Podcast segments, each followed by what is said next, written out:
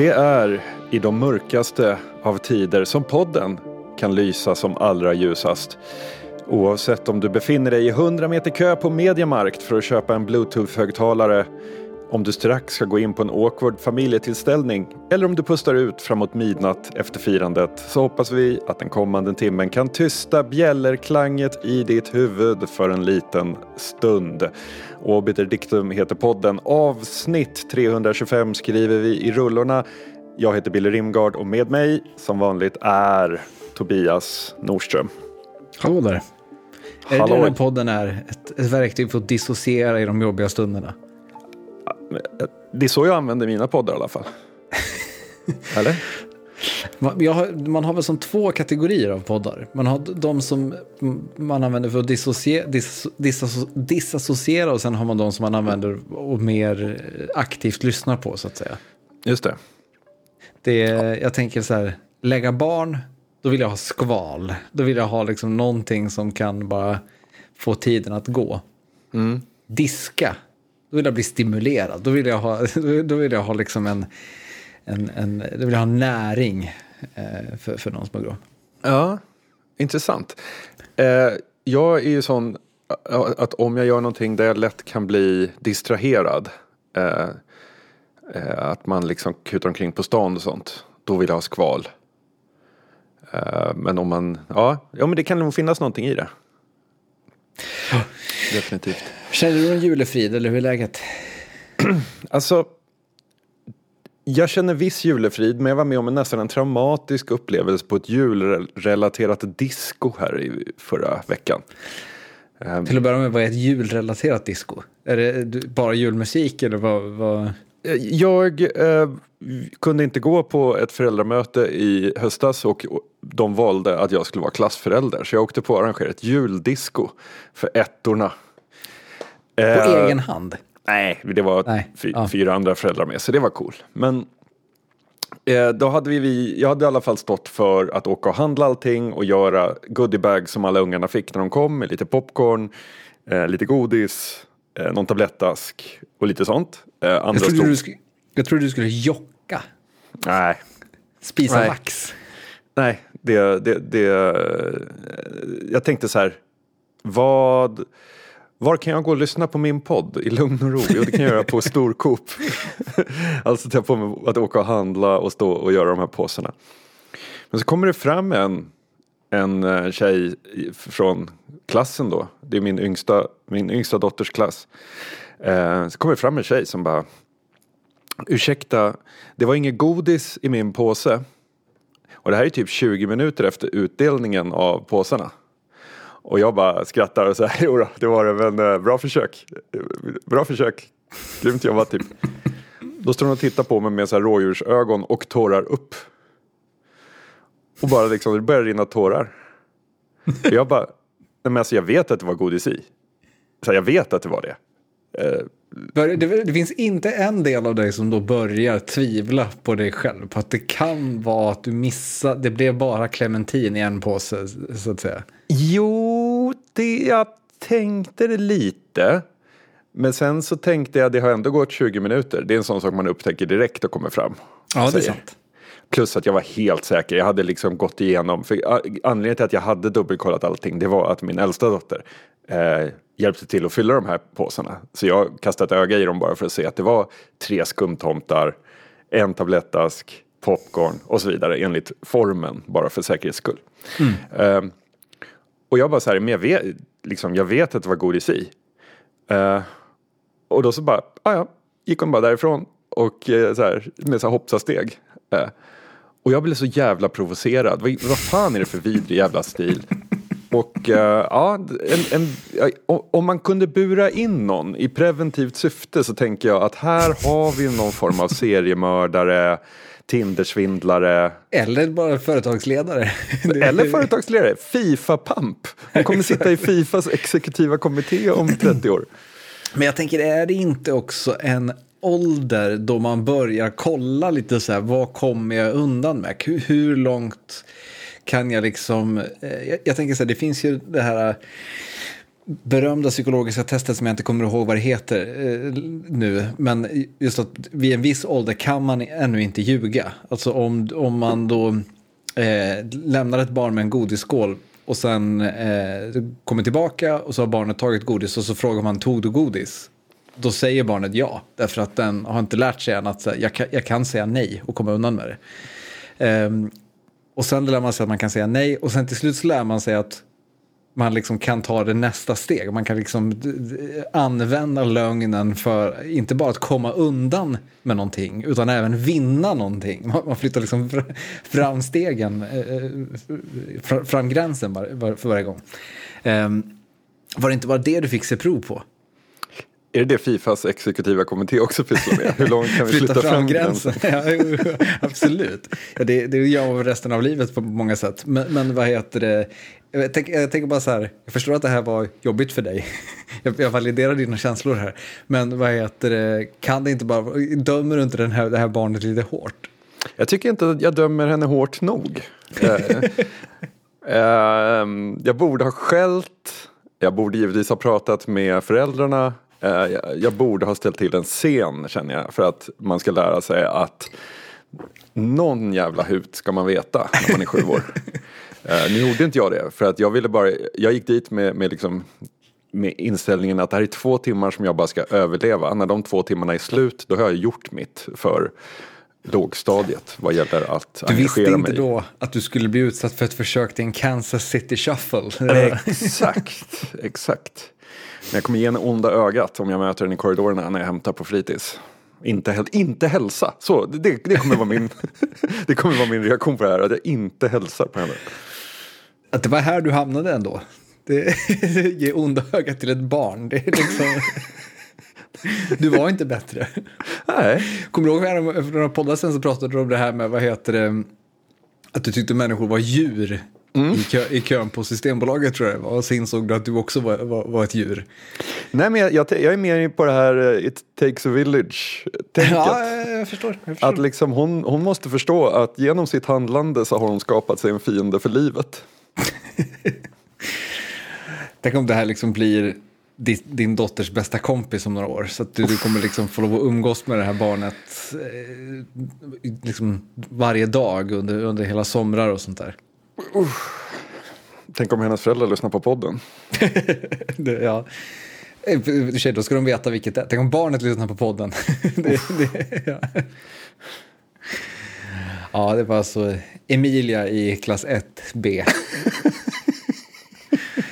ehm, ja, du får ju onda ögat i massa år. Förhoppningsvis så kommer du få ju onda ögat i eh, lika många år. Eh, eller förhoppningsvis kommer det gå fortare innan vi får se, äh, det här blev ingen bra segway alls, men eh, en segway blev det du, någonstans. Du jobbar med det jag gav dig, det får man, ja, ändå, det får man ändå säga. Kastar du in liksom en molotov som jag ska jonglera, då, en molotovcocktail, då blir det vad det blir. Eh, så jag gissar att du, så här, det här kändes ju liksom så här, som en, någon slags del i en följetong vi har haft på slutet med uh, utopi kontra dystopi och så vidare. Men det kom ju en nyhet eh, som liksom inte går att inte passa in i det här snacket mm. eh, häromveckan eh, när eh, en amerikansk myndighet då gick ut och, och berättade att man hade lyckats framställa energi genom fusion.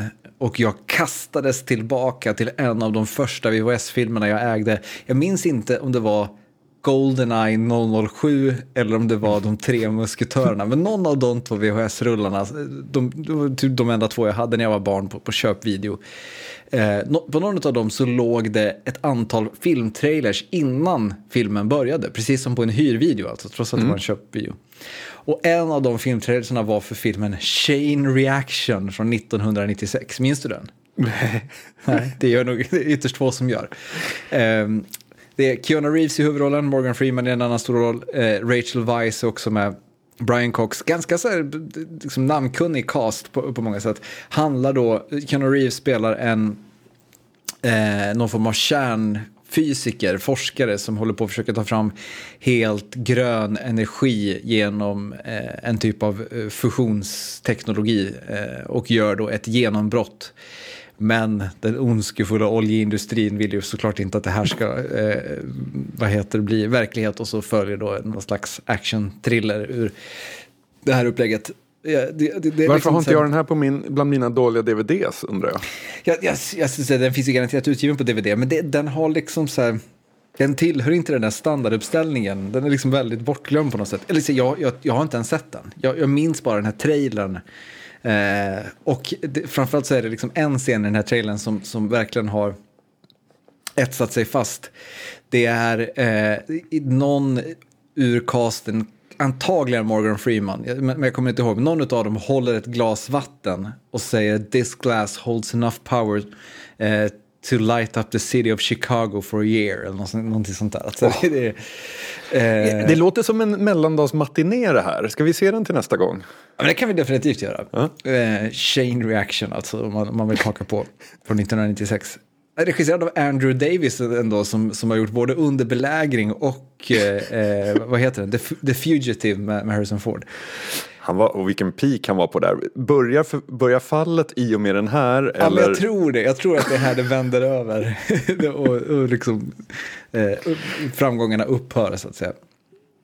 Hur som helst, det, var, det är liksom mitt absolut starkaste minne av fusion, liksom, någonting som handlar om fusionsenergi. Så när man då läser nyheterna om att det har gjorts ett genombrott av, genom fusionsenergi så blir man ju glad. Det, för det känns ju som ett sånt där löfte om framtiden som aldrig har infriats på något sätt. Och jag vet nu att Anna Davour eller någon kommer höra av sig och säga att det liksom har fortfarande inte infriats. För att jag vet att det här är liksom liksom, det var tävling på Twitter om att skjuta ner den här nyheten. eh, och jag liksom så kände att så här, nu är ni kostympersonen i rummet som vi har pratat om i, eh, vad heter det, vår jävla eh, utopicirkel under hela hösten. Som liksom säger att nej, det här funkar ändå inte. Det, det, på grund av de här, de här, de här sakerna så är det nog inte någon, någon grej. Men man får liksom ta, här, här väljer jag verkligen att se, välja, här väljer jag glädjen. När de berättar då att de har liksom lyckats utvinna mer energi än vad de har stoppat in, då väljer jag bara att ta dem på orden. Jag skiter i förutsättningarna, jag skiter i omständigheterna. Det, det, det, jag, jag tar det. Hur kände, hur kände du när du tog del av den här nyheten? Eh, jo, men jag kände lite samma. Man, hör, man hörde att jag såg något ryktestweet dagen innan att så här, uh, apparently, så här, this just in. Apparently scientists have done this and this and that and that och så. Ehm, men det är så himla svårt tycker jag att ta till sig den här typen av nyheter. Ehm, för det blir lite som att eh, så här, polisen provskjuter ny revolver i Palmemordet. Och man bara ja, eller ja, eller? Så här, det, hit, det finns spår av vatten på Mars. Åh, oh, ja, ja, ja, tror jag. Jag vet, det låter ja. Alltså, det är så himla svårt att veta. eh, så här, när man inte, inte har mer information än så. Man tänker ju någonstans att eh, det Ett breakthrough signalerar någonting som, som är svårt att eh, ta till sig, typ. Jag tänker mig liksom en senviktoriansk teater där Edison stoppar sladden i väggen och en glödlampa tänds och publiken chippar efter andan. Det är liksom demo av ny vetenskap. uh, att komma med um, den här typen av uh, breakthroughs, alltså självklart är det så man, det måste göras. Uh, men man tänker att så här, i största hemlighet så har de byggt en fusionsreaktor och den kan nu stå för hela Los Angeles eh, elkonsumtion i 300 år. Så här, och det är den de ska presentera, men det är klart att det inte är så. Eh, men det är så svårt att förhålla sig och värdera eh, vetenskapliga genombrott. Precis. Det, det, du, du ringar in någonting där, att ingenting sker i skymundan längre. Utan det blir liksom, det här är att jämföra med, det är inte liksom Edison som kopplar in sladden i väggen och lampan lyser, utan det är det stora genombrottet tillkännages. Det har utvecklats en ny form av koppartråd som man i framtiden kommer att kunna använda för att göra en lampa som lyser. Det Just det. säger liksom inte någon, någonting eh, då innan du, innan du ser lampan tändas. Eh, och på samma sätt då att om du har känt till i 20 år att det har utvecklats, utvecklats en ny form av koppartråd som ska skapa en lampa. När du väl ser lampan så är det bara, ja ja, yes, kul, äntligen. Eh, så att, ja, jag, förstår, jag förstår verkligen vad du, vad du menar. Men sen så är det ju också det här med att man, lite grann det som vi var inne på här veckan när vi pratade om, den, om de här kvantdatorerna, att man inte riktigt bottnar i att kritiskt eh, granska de här nyheterna. Alltså man, man har, inte, man, liksom, man har inte kunskapen att säga det här ser korrekt ut eller det här ser falskt ut. Eh, och det gör också att man känner att det är nog inte så häftigt som det låter. Eh, för att man väljer, den, man väljer liksom att sitta ner i båten på något sätt. Eh, mm. Eh, men, men, men, men, samtidigt, även ifall det liksom här är någonting som är liksom långt fram i tiden innan det här kommer ge oss grön energi och massa saker så tänker jag ändå att så här, ja, men utan det här steget nu så kommer vi aldrig nå till de där grejerna som kommer ske om 30, 40, 50, 60, 70 år överhuvudtaget. Och det, det är det man får fira på något sätt. Och en sak som jag, när jag liksom googlade lite på det här, som fick mig att ändå liksom bli lite mer peppad, var ju att det också i början på 2022 gjordes ett genombrott i Europa inom just fusionsenergi. Så det känns som att så här, lite grann att man ska inte heller tänka att det liksom har forskats på fusionsenergi och inte hänt någonting sedan 70-talet och sen nu händer en grej, vilket innebär att det kommer ta 50 år till innan nästa grej händer. Utan så det kan ju också vara så att vi nu ser att det börjar hända saker lite liksom på, på, bredare front så att säga, som gör att saker också snabbas på. Eh, ja, ja, absolut, absolut. Nej, men det, jag väljer glädjen, definitivt. Det är bara det att jag inte vet hur jag ska värdera. Um, fick lite av en världsbild raserad i veckan. Um, det handlade inte om fusion då. Utan det handlade om uh, um, så här, när man lär sig nya grejer. Uh, jag tycker att ett, ett av de bästa sätten att lära sig något nytt är att imitera dem som redan kan. När man börjar podda så imiterar man dem som man, poddar man lyssnar på. Eh, när jag började göra isbanor i Trackmania så imiterade jag, inte imiterade, men jag, jag, studerade de mm. som, har, som är bra på att göra isbanor för att lära mig hur hänger grejerna ihop. Så gjorde jag även för ungefär 25 år sedan eh, när jag och min kompis Jörgen satt med en Roland W30 sampler och försökte göra musik. Vi studerade hur är låtar uppbyggda och en sån som vi lyssnade jättemycket på hur de hade gjort det var... Men vänta, vill bara säga, det är väl också grunden för typ all mänsklig kunskap, imitation. Alltså att oh, man, ja. först, man först lär sig göra som den andra människan gör och sen gör man lite på sitt eget sätt och så händer det någonting. Liksom. Precis, precis. Men vi, satt, vi hade ett antal låtar eh, som vi så här närstuderade. Hur fan är det uppbyggt i bakgrunden, bortom sången och bortom de sakerna. Hur, vad, vad är det som händer i den här mixen? För, för att kunna liksom själva lära oss göra musik. En av de låtarna var Blackness All Stars, eller Blackness, eh, Blackness All Stars hette väl albumet. Eh, Dinah eh, hette låten. Och vi lyssnade på denna låt som fan och bara varifrån kommer svänget? Det här gunget, alltså vad är det trummorna gör? Och hur, bara åh, dog av trummorna. Så här, att det var så jävla bra. Lyckades aldrig göra någonting som var i närheten och vi landade i att så här, men det går ju inte när man sitter som vi med en sampler och liksom en sequencer och det här är ju live, liksom ett asgrymt liveband. Eh, så att det här kan vi inte ha som benchmark för att det blir, vi bara orättvisa mot oss själva. Och det, det här är någonting jag har liksom levt med sedan dess. I veckan så var jag på Kvarnen, var ute och svira med lite fotbollsfolk. Eh, hamnade på en stol bredvid trummisen i Blackness. och eh, måste ju då givetvis ställa frågan. Eh, Åh fan, så det var du som trummar på Dyna eller?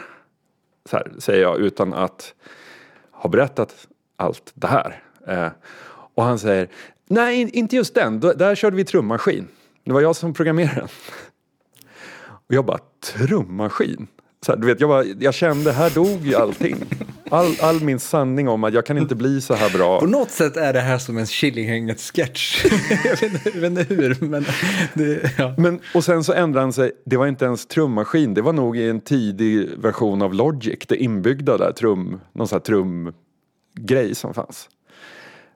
Och jag bara kände att du vet när hur det är när det är en sån här sanning som man har levt med. Att jag, ett sånt här groove är omöjligt att göra för att jag är inte skolad, grym musiker. Eh, och sen inser man att jag har haft exakt samma förutsättning, om inte bättre, än att sitta med någon lökig plugg i en tidig version av Logic och göra den. Så jag hanter, nu måste jag hantera allt det här. Nu måste jag deala med detta eh, och min egen otillräcklighet. Men eh, du, du menar alltså att det här, har, att det här tar hårt? Jag kände bara RIP. Jo, men det jag menar är så här, hade du varit den som liksom så här, när du hörde det, de trummorna, bara, "Ah, ja men det är så här och sen gjort liksom likadant och sen gjort någonting annat. Då hade inte du suttit här och gjort den här podden. Alltså det jag menar är på något sätt, kvittot att det inte blev någonting av er lek är ju liksom, har ju redan kommit. Jo, men alltså det är väl bara det att man önskar, alltså så här, man tänker, man, man hittar väl alltid ursäkter för alla områden där man inte är bra nog. Så här. Nej, om, nej. Det, om det jag här- bara det, kunde, om jag bara hade det här, om jag bara hade den här förutsättningen, då hade jag kunnat varit lite bättre än... Ja, jag är nog ganska bra på att känna jag är inte tillräckligt bra bara. Ja, Eller den, en ännu vanligare insikt. Jag kan göra ungefär det här, men det tar för mycket energi av, för mig. just det. Om jag, Jag kan- velat jag- hade jag kunnat jag- vara fotbollsproffs idag. ja, men, ja, eller nej, eller så här. Om jag velat hade jag kunnat vara fotbollsproffs, men jag hade liksom inte motivationen. Eh, det, det, alltså förstår jag menar? Det är, in, det är också en brist att inse att man inte är kapabel. Alltså, den, jag har liksom känt mycket så till exempel med skrivande i vuxen ålder. Att när jag var ung och skrev på saker, då tänkte jag inte så mycket på mina begränsningar, utan då skrev man bara.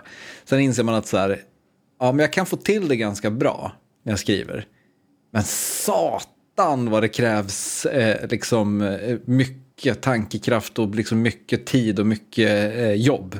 Och sen inser man att människor man känner som är bättre på en att skriva inte liksom behöver lägga ner d- den här otroliga arbetsmängden så inser man bara, "Ja, men då är det, då är det ingen idé att jag liksom försöker hålla jämna steg. Då är det bara, då, då, då liksom lägger jag mig på en nivå under bara och accepterar att det är där jag är. Just det. Just det. Den, det är de där sista 10 procenten som är så jävla svåra att nå hela tiden. Ja, men det, är väl de, det är väl det som är tala, liksom den där extra talangen på, på, på något vis, tänker jag. Du, kom, du kan liksom nå upp till en ganska hög nivå inom, inom det mesta genom bara trägen, eh, träget arbete. Men men för att liksom nå de där sista procenten så är det liksom just en fallenhet som behövs någonstans. Ja. Det kommer jag ihåg en gång när jag, eh, Johan Persson som var mittfältsgeneralen, sheriffen i Hammarby på mitten av 10-talet. Jag gjorde en intervju med honom eh, där han snackade om han löptränade ju så in i helvete under december och januari när de flesta fotbollsspelare ligger i Dubai och liksom chillar så. Men under försäsongen tränar han typ som allra hårdast. Och han resonerar ju som så att så här, men han har inte världens största talang. Han, han är inte liksom, han, kan inte gå, gå ut och bara kliva ut på plan och, och köra lite. Liksom. Där är han inte. Men däremot så är han ju liksom fullgod för, för allsvenskan. Och alla som spelar i Allsvenskan är tillräckligt bra för att vara i Allsvenskan. Så hur, hur kan man bli lite, lite bättre när man inte har den där fantastiska talangen och man är ungefär lika bra som alla andra? Jo, man kan, man kan liksom orka mer sista tio minuterna. Det, det är den enda möjligheten att få en edge på något sätt. Eh, jag tyckte det var så jävla coolt eh, tanke, alltså så här, cool inställning, grym tanke, eh, grym plats att vara på i tanken. Att så här, var, var, kan jag bli lite bättre än eh, de andra? Jo, på det här lilla området, där kan jag göra det liksom. Men då är ju, han, har, ju då, han kompenserar ju en brist på talang med en, en, en eh, större motivation någonstans. Eh, blir väl liksom eh, kontentan. Men det är det som också är skärmen med just de segmenten inom allting som inte är det absoluta toppskiktet. Alltså just allsvenskan. Allsvenskan är charmig för att det finns liksom en, en, en, en 25 procents andel av spelarna som är där bara för att de liksom är, är envisa. Eh, De, de, skulle liksom, kommer liksom aldrig spela mo- mot om man jämför liksom med Premier League eller liksom valfritt eh, toppskikt i världen så är liksom alla är, har supertalang. Därför att det är, liksom, man, man, det är så det har fungerat och man har samlat bara de människorna i, i de här i de, i de klubbarna. Eh, och har du inte talang så är du inte där. Eh, mm. Och det gör det hela lite ointressant på ett sätt. Det är ju såklart kul att titta på för att det är de som då har absolut mest talang. Det är ju liksom ge, genetiskt sett crème de la crème på något vis. Men, eh, men man tappar ju också någonting i, i skärmen just att det liksom eh, det, det, ja, någonting försvinner lite grann. Medan då det här segmentet som är under jag kan tänka mig det är liksom lite samma med så musiker. Att så här, det är ju inte så kul med de musikerna som är bäst. Eller? Nej, men man, man, man, gillar ju liksom de som istället liksom har hjärta. Om du förstår vad jag menar. Ja, fast, ja, jo, fast jag tycker inte att det nödvändigtvis står emot varandra alltid. Uh, jag menar han, han Blacknas-snubben berättar liksom hur, de, hur deras process var och deras process var i princip att... Ja, men han spelar väl ändå i Allsvenskan? Det är ju inte, det är inte nej, La Liga. Men, men, det, fanns, det fanns en i Blacknas som inte gjorde det och det var Christian Falk. För han sa mm. att det enda de gjorde det var liksom att de, de, de satte en grund till en låt, sen gav de basen till Christian Falk och så satte han den bara. Då, resten behövde liksom inte det behövde inte vara, alltså så här, just den där låten var bättre med bara trummaskin. Varför liksom lägga massa tid på att spela in trummor på riktigt när det ändå är Christian Falks bas som bara ja. driver den framåt. Det var ett allsvenskt lag som hade liksom en, en, vad heter det, en anfallare från Premier League. Av exakt, ja. exakt. Precis så. Men du förstår ändå vad jag menar. Det är, mm. det är charmigt med segmentet som, som liksom inte är de absolut bara bästa utan som är någonting annat. Charmigt. Är det det, var det det man blev? Man, det är charmigt att, kul att man håller på. ja, typ. Eh, jag skulle vilja prata lite om en, en bok jag har börjat lyssna på som jag vet att du också har läst som har väckt en tanke hos mig. Tittade du på MacGyver när du var liten? Oh ja. Eh, jag med, älskade MacGyver. Och grejen med, med MacGyver var ju liksom en sån här... Eh, som gjorde att det liksom... Jag tror så här, anledningen till att MacGyver gick på SVT var ju för att MacGyver använde vetenskap. Mm. Eh, Mythbusters har ju liksom gjort, eh, det är såklart att det, inte var den explicita anledningen till att någon valde att köpa in MacGyver och att det gick att rättfärdiga för att det var liksom byggt på vetenskap. Utan jag bara menar, det gjorde MacGyver SVT-kompatibel istället för att det var en TV3-serie. Att det liksom fanns ett, ett, ett, vetenskapligt anslag någonstans gjorde att det liksom var lite mer helylle på något plan. Um, och det ju, har ju visat sig, jag vet att Mistbusters gjorde ju flera avsnitt där de testade MacGyver-grejer och liksom allt funkar typ. För att det, de som satt och skrev MacGyver liksom var science heads. De, de liksom var intresserade av att MacGyver gör saker som teoretiskt sett åtminstone funkar att göra i verkligheten. Um, och det liksom är ju, är ju coolt och gör att MacGyver tekniskt sett borde vara en sci-fi-serie eftersom att det är vetenskapsfiktion och så vidare. Men Eh, jag håller nu på att lyssna då på Andy Weirs bok Hail Mary. Eh, Andy Weir har väl, väl kanske mest känd för att han skrev The Martian. Eh, som även sen då blev film med Matt Damon i huvudrollen. Och även The Martian lider lite grann av samma sak, samma symptom som jag skulle vilja prata om här. Nämligen, finns det för dig en gräns i science fiction när det blir för mycket science? Uh, ja. Tycker du, men upplevde du den känslan när du läste Hail Mary? Det gjorde jag verkligen. Uh, jag lyssnade på den också. Uh, och jag uh, tog tillfället i akt när det blev, när det var så här, oj, det läcker gas här ur det här röret.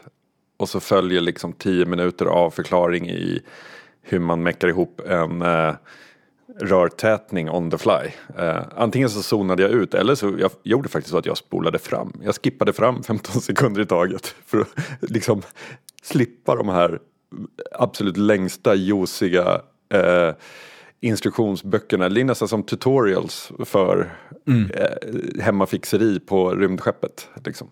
Ja, men det känns som någonting, det känns som så passager som en fysiklärare skulle kunna plocka fram på, på, gymnasiet och säga nu gör vi en labb. Just det. Eh, och, och, så, och så är det då något kapitel ur en Andy Weir, liksom en passage ur en Andy Weir-bok som ska liksom då testas med ett snöre och en tuschpenna i klassrummet på något sätt. Och jag, så jag fattar ju att han gillar ju det. Det, det är liksom det som på något sätt, han, och han känner väl att det funkar för honom. Och det, det har det ju bevisligen gjort eftersom att Hans böcker har blivit väldigt uppskattade och sålt väldigt bra. Men jag tror ju att det är för, för, att han är ganska bra på att bygga spänning snarare än att han är ganska bra på att beskriva hur man eh, utvinner kväve ur luft och kan odla potatis ur bajs och sånt där. Det, det, alltså, det jag menar är på, det, dit jag vill komma är att det som var charmen med MacGyver var ju att han löste sakerna med hjälp av science. Men vi fick liksom inte en föreläsning om vilka vetenskapliga principer som verkade i MacGyvers lösningar. Eh, utan han förklarade liksom ganska rudimentärt att om vi gör så här och så här så kommer det bli en explosion. Eller Om vi gör så här och så här så kommer den här eh, brunnen tömmas och så vidare och så vidare. Mm. Alltså jag gillar ju, jag gillar de här utsvävningarna när han typ försöker så här. Eh, i den här boken så är det väl en del sånt när man försöker eh, bestämma var man befinner sig eller hur lång tid som har gått. Alltså titta på stjärnorna, försöka navigera. Eh, den mer, vad ska man säga, den intergalaktiska vetenskapsbiten av det. Eh, tycker jag kan vara ganska kul. Men däremot all sån här mer mekaniska vetenskap eh, om och, eh, vridmoment på rymdkapsel och mm. eh, sådana saker. Det, det blir liksom för det blir alldeles för mycket som att liksom Pelle gick till affären och hade fyra kronor med sig. Han köpte tre äpplen. Hur många kronor har han kvar? Typ. Uh, jo, jag håller verkligen med. Men, men för det är också någonting med att Ja, i, alltså för det, det, som gör att jag har tänkt, reagerat på det här är ju att i teorin är jag ju för. I teorin är jag ju liksom så här att det är jätteintressant att visa hur det här jag berättar fungerar och att det fungerar. Att det liksom inte är det är inte liksom bara någon som säger there's enough energy in this glass to power the city of Chicago. Alltså så här, det, utan det, det, är liksom någon som faktiskt har satt sig ner och gjort matten. Hur skulle det här faktiskt kunna fungera? Men problemet är på något sätt att det, det är dålig, dåligt berättande. Eh, berättandet stannar liksom upp på något sätt. Eh, eller så här, berättandet skulle kunna effektiviseras. Det behöver liksom inte beskrivas genom den exakta vetenskapliga principen som gäller. Det, det, det, det, ja. Men alltså det där tycker jag är ett vanligt problem. Vi, första eh, novellen vi läste i Hieroglyph som handlar om det här enorma tornet som skulle byggas. Eh, där ägnade ju Neil Stevenson ganska stort utrymme åt att förklara hur det faktiskt skulle vara möjligt att genomföra. Mm. Eh, alltså huret. Eh, vilket gjorde att vadet, anledningen till varför man skulle bygga det här, Eh, ganska ofta hamnar lite i skymundan. Och jag, jag tänker så här, lämna huret till eh, ingenjörerna när vi väl ska sätta spaden i marken. Lite grann. Eh, och det, det, är väl, alltså jag tyckte, jag tyckte jättemycket om, du säger Hail Mary, heter det inte Project Hail Mary? Det kanske jag gör. De kan också ha döpt om den eh, om Project Hail Mary inte, inte krängde. Det, ja, det var nog två år sedan jag Nej, men det kan, jag, jag, vet inte, det kan vara jag som har uh, ja. förkortat titeln i mitt huvud bara. Ja, nej men grejen är att um, den är ju jättebra. Jag tycker supermycket om den. Jag uh, vet inte hur långt du har kommit i den ännu. Men uh, den är Uh, den är spännande och det är en jättecool premiss som man inte behöver rättfärdiga genom att beskriva exakt hur premissen uppkommer och sker på något vis. Mm. För spänningen i boken ligger inte alls, jag, jag, väger mina ord här för varje mening jag säger så att jag inte ska eh, spoila något. Men spänn, alltså, magin med boken ligger inte alls på det vetenskapliga planet utan på det känslomässiga skulle jag säga. Jo, men och sen också även, jag, jag är kanske typ 50 sidor in, 60 sidor in, ja, ja. så jag, jag, då, mm. jag, är ganska mycket i början. Men, men jag skulle ändå säga också att det som, även i de vetenskapsbitarna så måste han förstå att det som är intressant är det som ännu inte är förklarat. Det är inte intressant att förklara hur eh, han räknar ut att, spoiler alert, det här sker typ första tio sidorna, hur han räknar ut att han inte är på jorden genom att kolla hur gravitationen fungerar i rummet han är i. Inte intressant. Eh, alltså intressant att konstatera att han inser att han inte är på jorden. Men just den vetenskapliga, vetenskapliga principen och verktyget han använder för att göra det. Det är liksom, ja, det, det är tråkigt att, att lyssna på. Ja. Eh, det, det, också för att så här, det räcker med att liksom han tar sig ur rummet och kollar ut genom ett fönster, whatever, det, det är inte så det, det, funkar. Men, men alltså, det är ett annat sätt att berätta på ett, på ett mer spännande sätt. Men däremot sen så kommer det en massa vetenskapsbitar som handlar om saker som han inte förstår. Och då finns det ett mysterium, då finns det någonting där de här vetenskapliga principerna blir ett verktyg för att ta berättelsen framåt, inte bara som en, liksom en, en, en gymnastisk övning på något sätt. Mm. Ja, Mer veckans litteraturkritik. ja. Ska jag gå över till någonting lite mer juicy då? då? nu när vi har pratat litteratur. Nej, men, kommer du ihåg för ett par avsnitt sedan så pratade jag om L.W. Wright, han som kallades The D.B. Cooper of Motorsports. Just det. Som ljög sig in på en, eh, en racingbana och eh, försvann kort därpå. Jag har grävt lite djupare i den amerikanska motorsportsmyllan. Eh, och man kan konstatera att eh, det finns rätt många så kallade eh, original. Kan man hitta. Ja, man, är inte förvånad, för jag gissar att vi nu, är, det är väl liksom Monster Truck och Nascar Country vi är i nu. Eller? Ja, men absolut, absolut.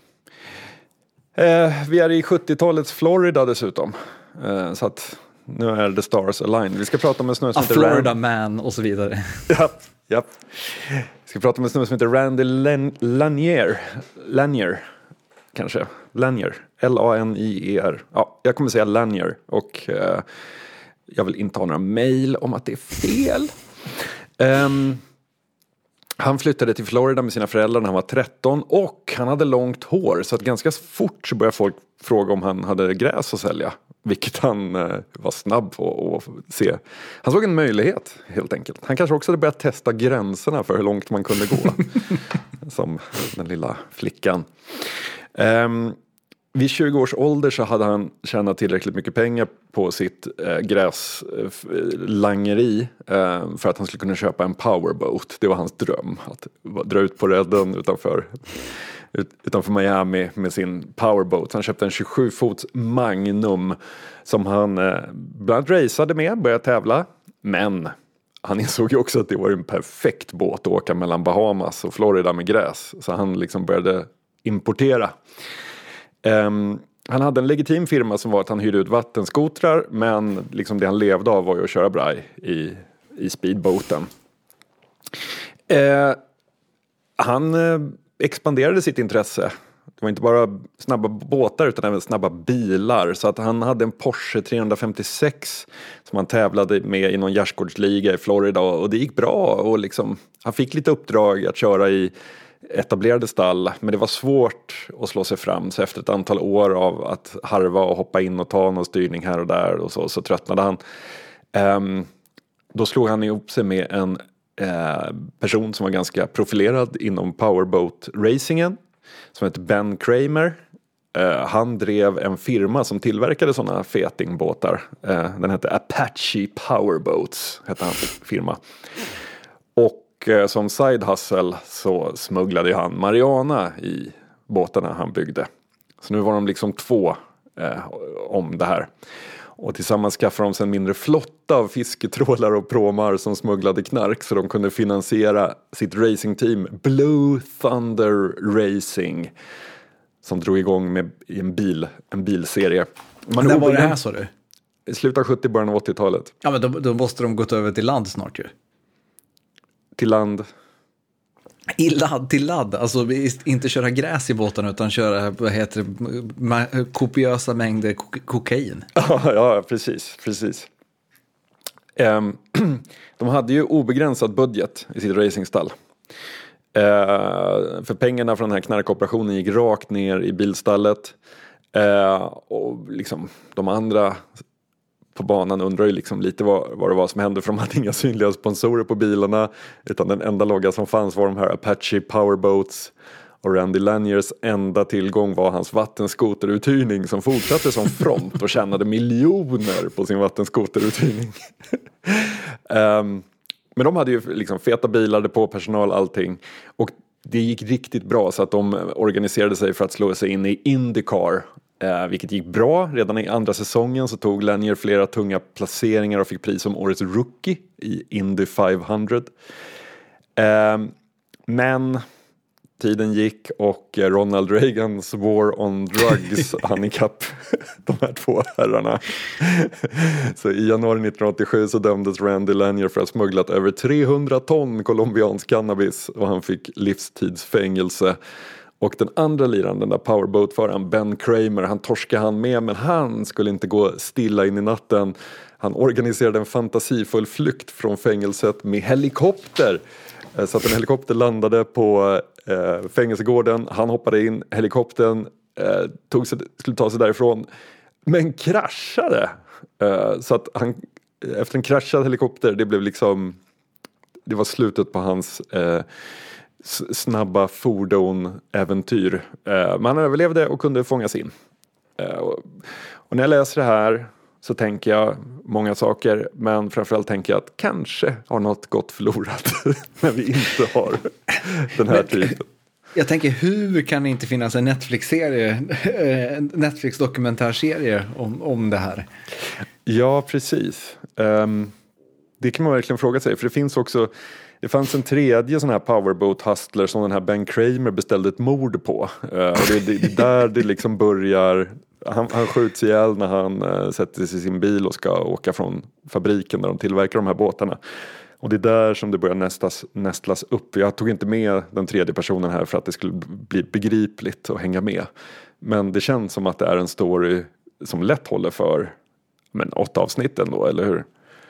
Ja, sex åtminstone. Alltså, men just, just det, det, man vill ju ha, du har ju sånt himla bra liksom du börjar ju i scenerna Indy 500 liksom. och sen bygg, backar du bandet och sen börjar du från början och bara visar hur det här vansinnet byggs upp. Eh, det, det, det är en otrolig story. Ja. helt, helt fantastisk. Så att ja. om man vill sjunka ner i vidareläsning över jul så är Randy Lanier och Ben Kramer två bra ställen att börja på. Det blir en powerboat-jul i år. Verkligen. Eh, ska vi gå vidare och eh, vad heter det, köra den andra installationen av vår nya cirkel, introcirkeln. Eh, ja. Vi, visst landade vi introcirkeln till slut i namn? Jag tror det. Ja.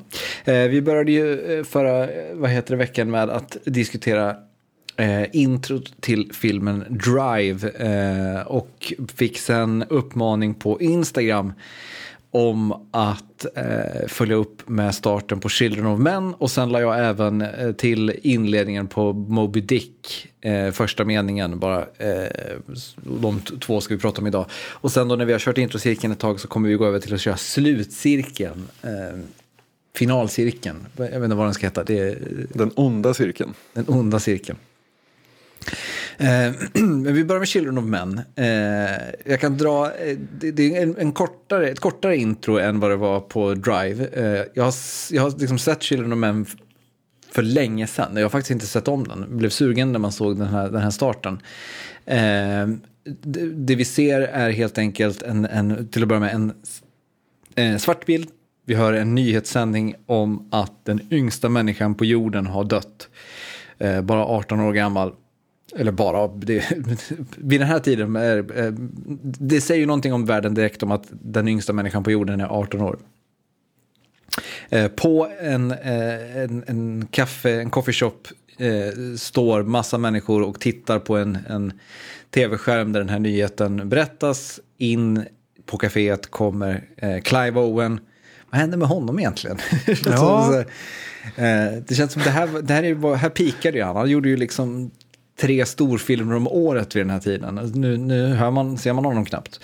Eh, Clive Owen kommer in, köper en kaffe, går ut från den här coffeeshopen. Vi ser ett framtida London med massa trafik, massa skärmar överallt. Eh, det är smutsigt. Smutsigt, det är sopor på gatan, det är poliser som går runt. Det, det, ser ut ungefär som, som idag fast lite tweakat. Det står en, en dateline om att det här är 2027. Eh, Clive Owen går med sin kaffe,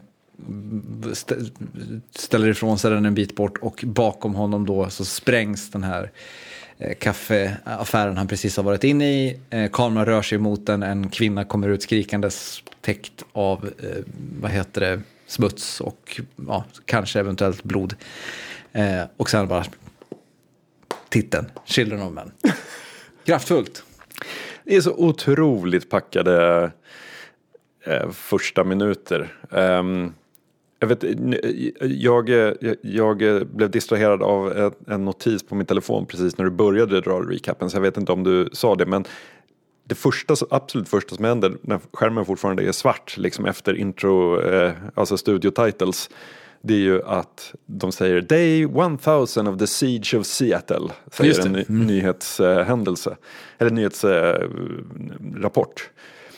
Och alltså bara den saken eh, sätter liksom någonting i något perspektiv. Att så här, aha, det är liksom det är en, en, en riktigt så, alltså det, det är pepprat med världsbygggrejer i den här eh, introduktionen. Och det är väl liksom själva tanken att bara så här använda de här första två minuterna av filmen till, till att visa vad det här är för typ av värld.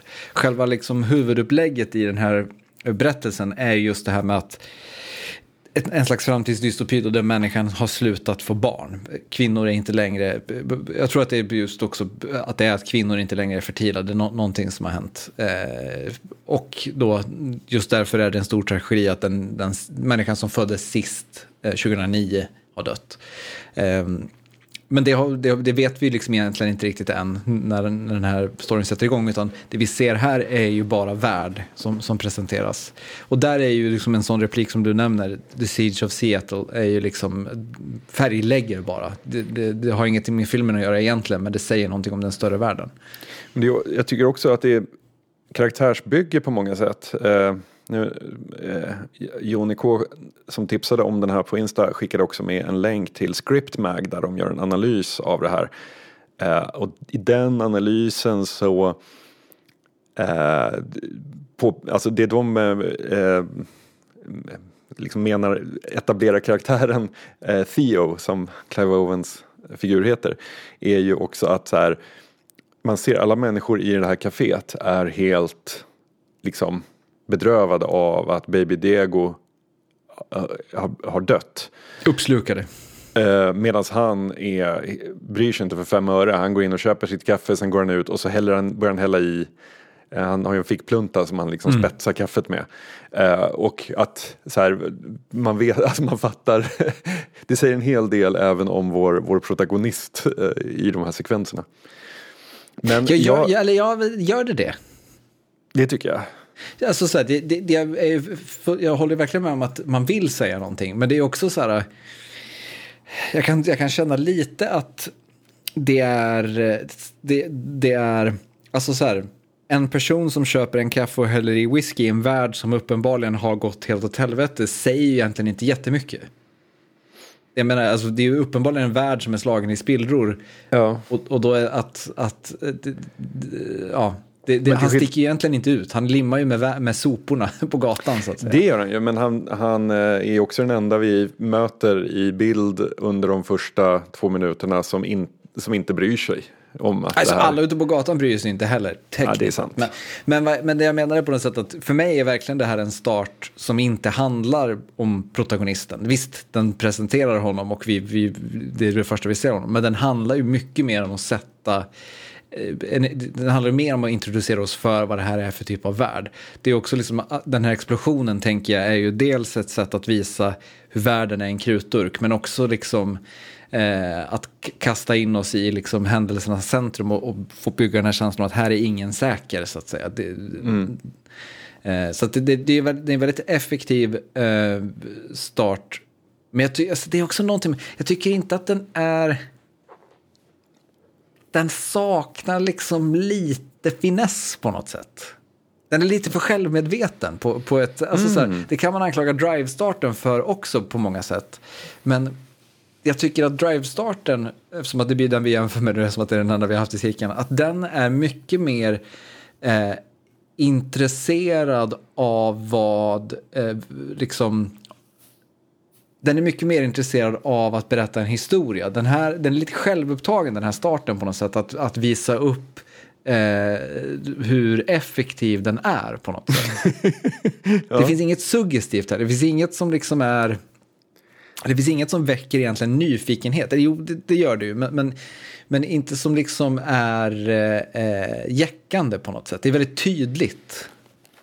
När, när bomben smäller så kan man också känna att så här, ja, och, och sen så kommer ett rymdskepp och landar med aliens också eller? Alltså det blir lite en sån här, det, det, det är ju verkligen en, eh, det tar inte slut på något vis. Ja, men precis. Eh, Det, det som, alltså jag tycker, tycker att det är, för mig väcker den ändå nyfikenhet för jag är i samma situation som du att jag såg den här för aslänge sedan, har inte sett den sedan dess men nu lite sugen på att se den igen.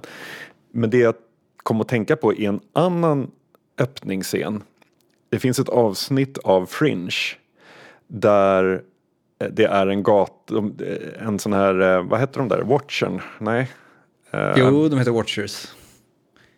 De, de skalliga männen i kostym som reser genom tiden och bara Het- kollar på så. Ja, det är Watchers. Okej, ja, ma- man ser en sån stå på en gata. Eh, lite lik som det här. Massa, det, folk som handlar kaffe från något café och folk som eh, cyklar förbi och bussar som stannar och sånt.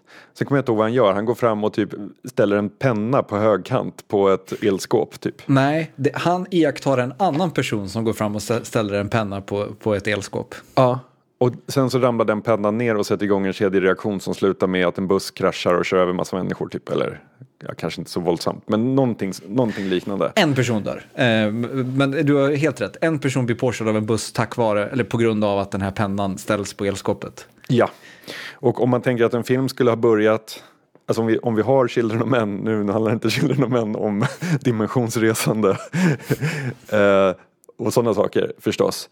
Men ehm, du, du efterlyste mer suggestivitet. Och en sån scen där vi ser att den här personen vet det här och det här, den där pennan ställdes där med flit på högkant för att utlösa den här kedjereaktionen och så vidare och så vidare. Där väcks ju mer frågor. Bara, vad fan är det som pågår? Eh, kanske, jag, jag tänker också att den här filmen, Children of Men, är den 2011 typ.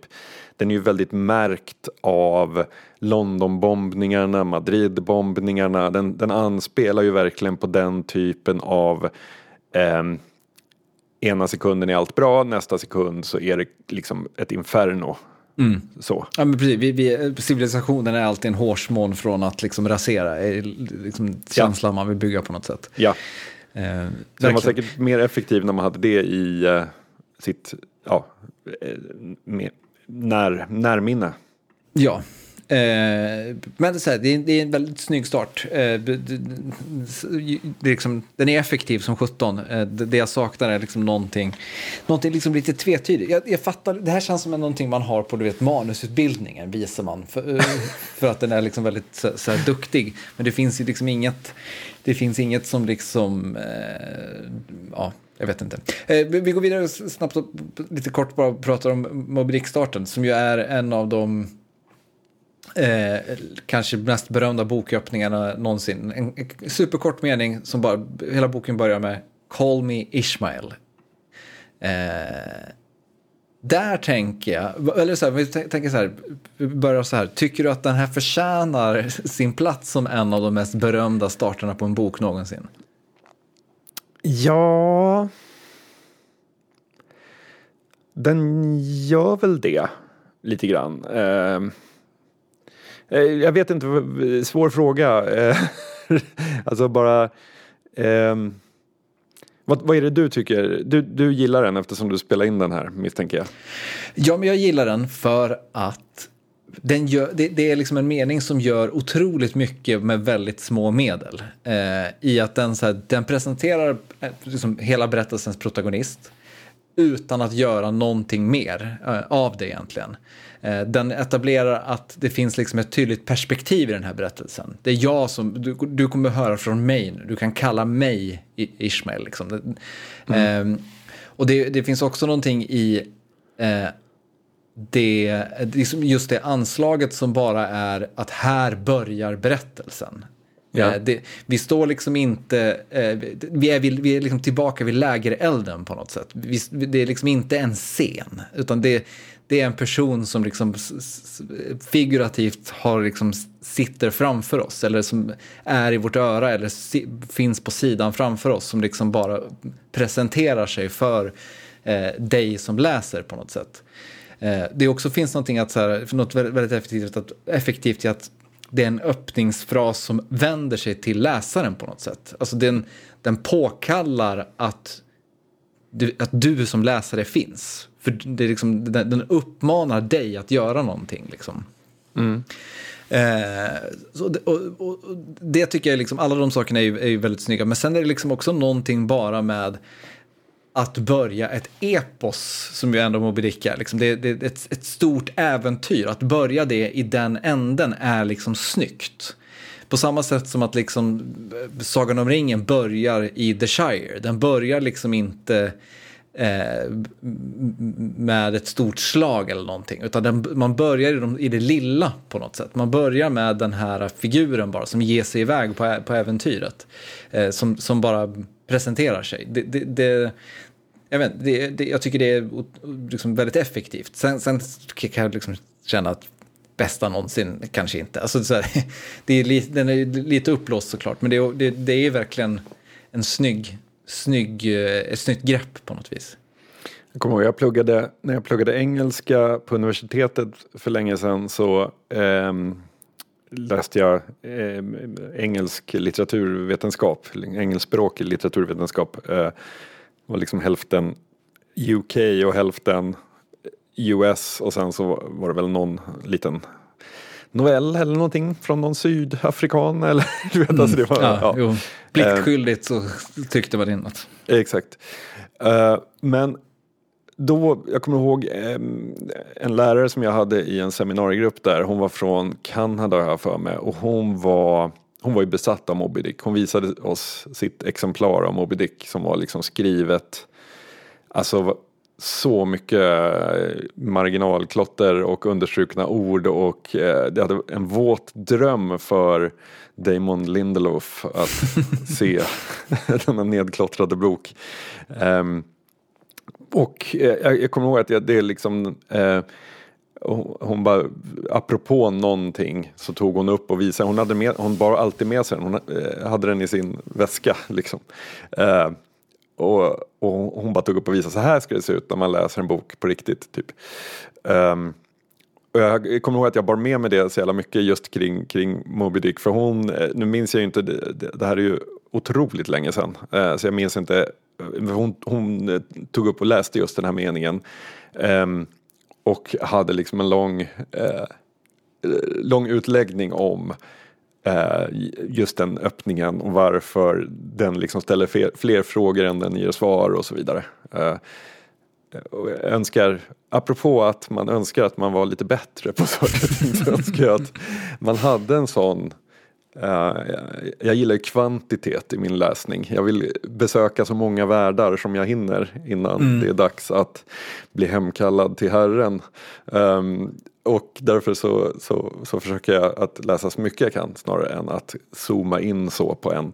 Men jag kan vara lite avundsjuk på någon som har det tålamodet att faktiskt bara, ja men det är här jag uppe, uppehåller mig det är här jag är. Ja, och jag fattar ju, jag läste alltså då Moby för några månader sedan för första gången eh, och jag fattar ju verkligen var, att det är en sån bok som många fastnar i. För att det liksom också, framför allt om man liksom är Eh, om man håller på med litteraturvetenskap. För att det liksom just finns så mycket grepp, det finns så mycket saker som händer och, och görs med texten som, som är intressant ur ett litteraturvetenskapligt perspektiv som liksom på många sätt är, förhöjer läsupplevelsen jättemycket men som man liksom verkligen, jag fattar att man kan fastna i det om man, om man börjar, börjar intressera sig för det på något sätt. Att se vad Melville eh, gör och, och, och sådär. Eh. Det är, en, ja. det är faktiskt en, en, en, en, eh, sån konst som har gått lite förlorad ändå. Det här att berätta en bra jävla rökarhistoria som vem som helst kan hänga med på. Men göra det på ett sätt så att man kan liksom vara utbildad i eh, språkvetenskap och läsa bokjäveln hundratals gånger och inte bli klar med den. Eh. Verkligen. Eh, det liksom var både bred och, bred och djup på samma gång. Det är någonting som man ser alldeles för sällan, känns det som. Det, det finns massor såklart, men, men eh, det, ja. Nej, eh, Nej, jag tycker inte vi ska, vi ska inte ha safea, det finns inte. Nej, Detta det existerar en, inte längre. En, en utdöd konstform. Eh, har du någon, någon start du har gått och funderat på till, till nästa cirkel? Ja, Första tre sekunderna av Ronettes Be My Baby skulle jag vilja Vad kul! Vi har också tänkt på en musikgrej. Eh, och det, det, det, passar jättebra att du har Ronettes. För jag, vad heter, då har vi liksom två saker som befinner sig... Eller jag tänkte säga på diametralt motsatt sida. Blir det Linkin Park nu? Blir det Linkin Nej, det blir det inte. Dock var Linkin Park etta på min Spotify Wrapped för, för i år. Men det, eh, vad heter det? Ja, nej, det blir inte Linkin Park. Men jag tänkte de första eh, minuterna, vad ska vi säga, tre minuterna kanske av eh, Beethovens nionde symfoni. Oj, okej. Okay. Då, då, då, har vi liksom så här, på många sätt kanske det som sen blir Ronettes. eh, och samtidigt befinner sig på en helt annan plats eh, i musikhistorien. Handlar inte hela Radiolabs Time-avsnitt om den? Oh, det kanske det gör. Jag vet att det finns ett Radiolab-avsnitt som handlar om eh, Tchaikovskis, vad heter den, Spring Rights, nej vad heter den? Ah, skitsamma. Det, det, det, det finns säkert ett Radiolab-avsnitt om Beethovens nionde symfoni. Eh, men då Ronettes Be My Baby och eh, Beethovens nionde symfoni alltså. Till nästa introcirkel. Ja, perfekt. Men eh, god jul på dig. Detsamma. Så eh, hörs vi, blir det på, på det nya året då? Är det 2023? Det är det nya året, det är framtiden. Uff. Ja, ja. Eh, om man vill så får man jättegärna supporta oss på Patreon. Eh, Patreon.com slash oddpod. Så eh, Gör det. får ni ta det lugnt där ute så ses vi snart igen. Ha det fint. Hej då.